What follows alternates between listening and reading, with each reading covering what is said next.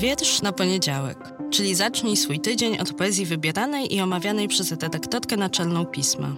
Nazywam się Magdalena Kicińska i zapraszam do słuchania podcastu.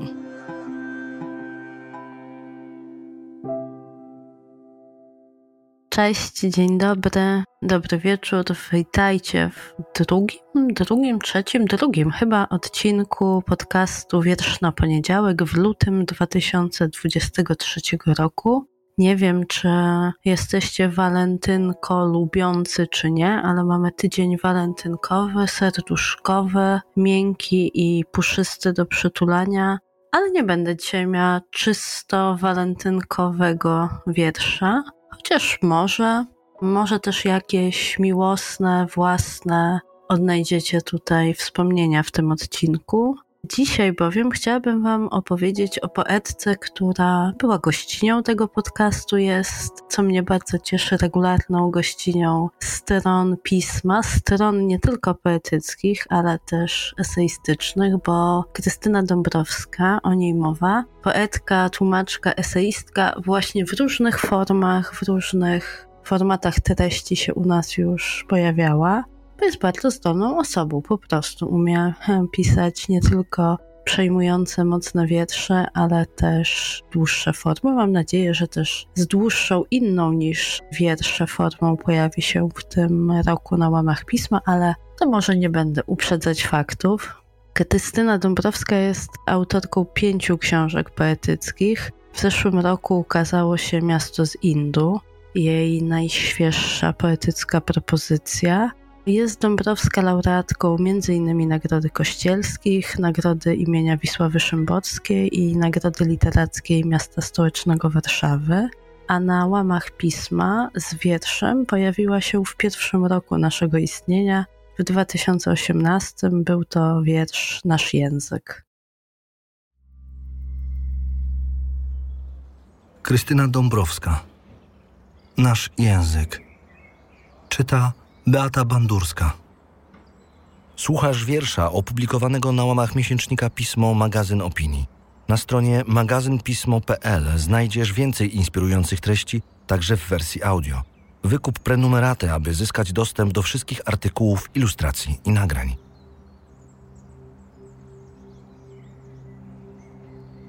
Kiedy mówisz, czy mogę jeszcze pospać?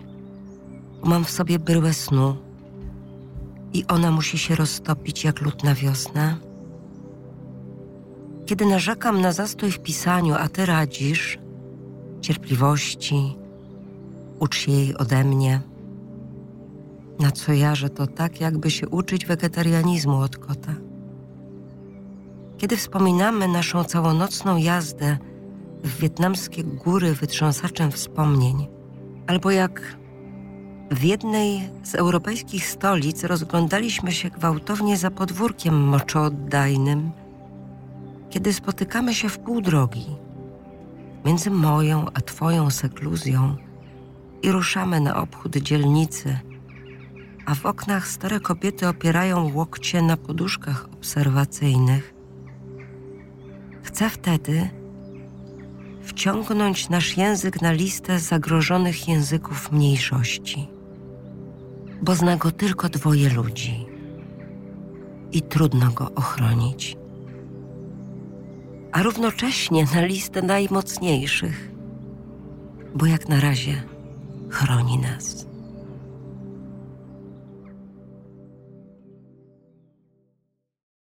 Jest więc z nami z pismem Dąbrowska jako poetka, jako autorka od samego początku a była też, i bardzo chcę o tym przypomnieć, bo kiedy w tym roku podsumowujemy sobie to, co w piśmie zrobiliśmy, to o czym pismo się przez te lata stawało, to nie mogę nie wspomnieć o takim bardzo małym wydarzeniu, ale dla mnie bardzo ważnym, bo chyba też mówiącym o tym, czym pismo jest, spełniającym tę obietnicę, którą kiedyś sobie i Wam dawaliśmy, tworząc nasz magazyn. Zrobiliśmy taką akcję Pisemko dla dzieci, kiedy, jeśli może pamiętacie, przed kilkoma laty miał miejsce strajk nauczycieli i wielu rodziców, opiekunów nie miało jak zająć się swoimi dziećmi.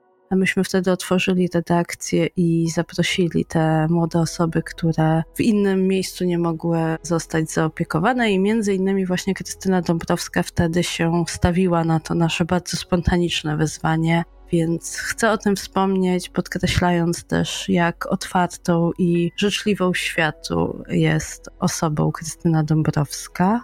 Ją cenię właśnie za to, jaką jest osobą, ale też przede wszystkim, jaką jest osobą piszącą. Cenię po prostu jej pióro i miejsce, które we współczesnej polskiej poezji zajmuje. Jest osobna, ale zaznacza wyraźnie swoją obecność i zabiera głos.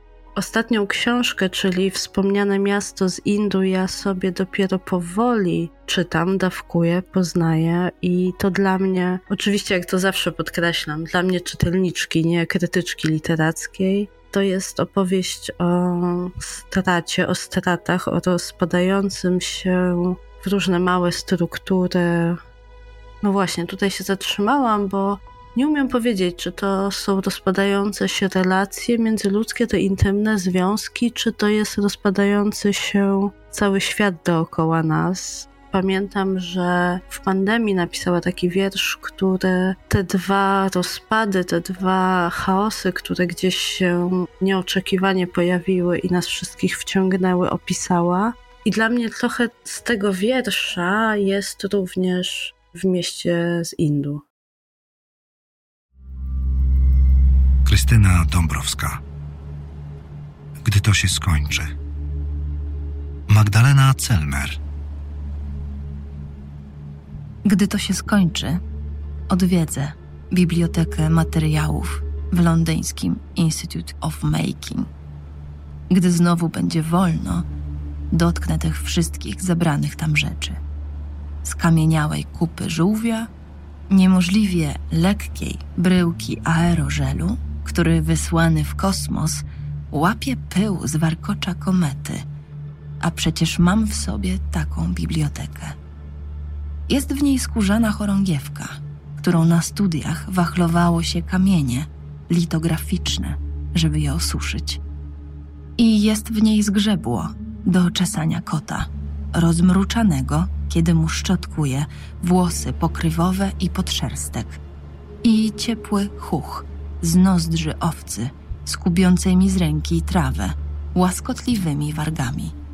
I paląca lodowatość Bałtyku, latem w Szwecji, gdy dosięga brzucha. Odkąd nasze ciała są jak włączniki światła na przejściach dla pieszych, przekreślone iksami czarnej taśmy. Odkąd niebezpiecznie jest wyławiać palcem pyłek z własnego oka. Czuję, jak nieuchwytnie się kurczę, a biblioteka we mnie rośnie.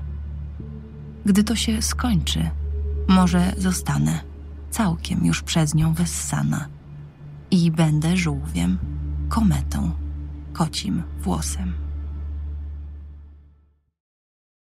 No więc gdzieś w tym najnowszym tomie tę kruchość, to jak jesteśmy krusi my, ale też jak kruchy jest świat, który przecież wydaje się mocny, jak obie te struktury, ta intymna, pojedyncza i uniwersalna, są nieodporne na nagłe wstrząsy, jak się kruszymy. Ale mimo to, i to chyba na razie wyciągnęłam z najnowszego tomu, nie wystrzegajmy się tej delikatności. Mimo tego, jak jesteśmy krusi, nie zamieniajmy jej na pancerz tak czytam, takie jest moje przesłanie z lektury ostatniego tomu Krystyny Dąbrowskiej. Może wy macie różne inne swoje odczytania na pewno, tak? Bo przecież to jest najpiękniejsze w poezji.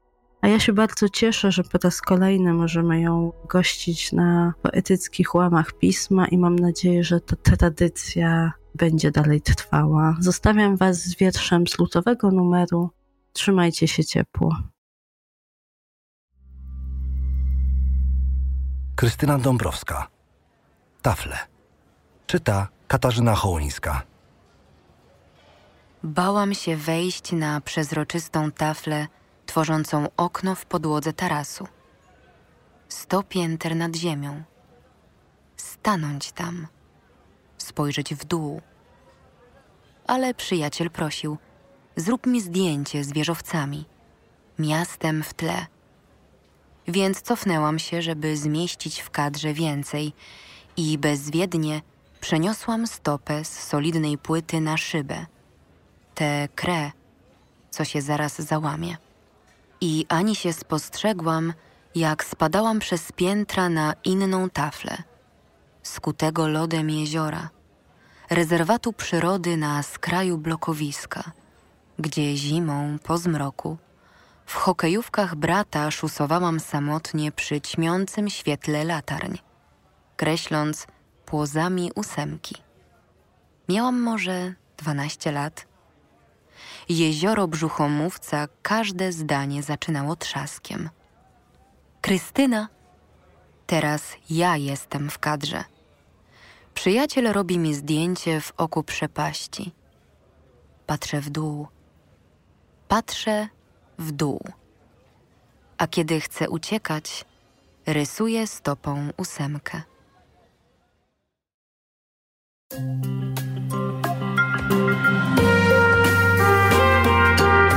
Pismo. Magazyn opinii.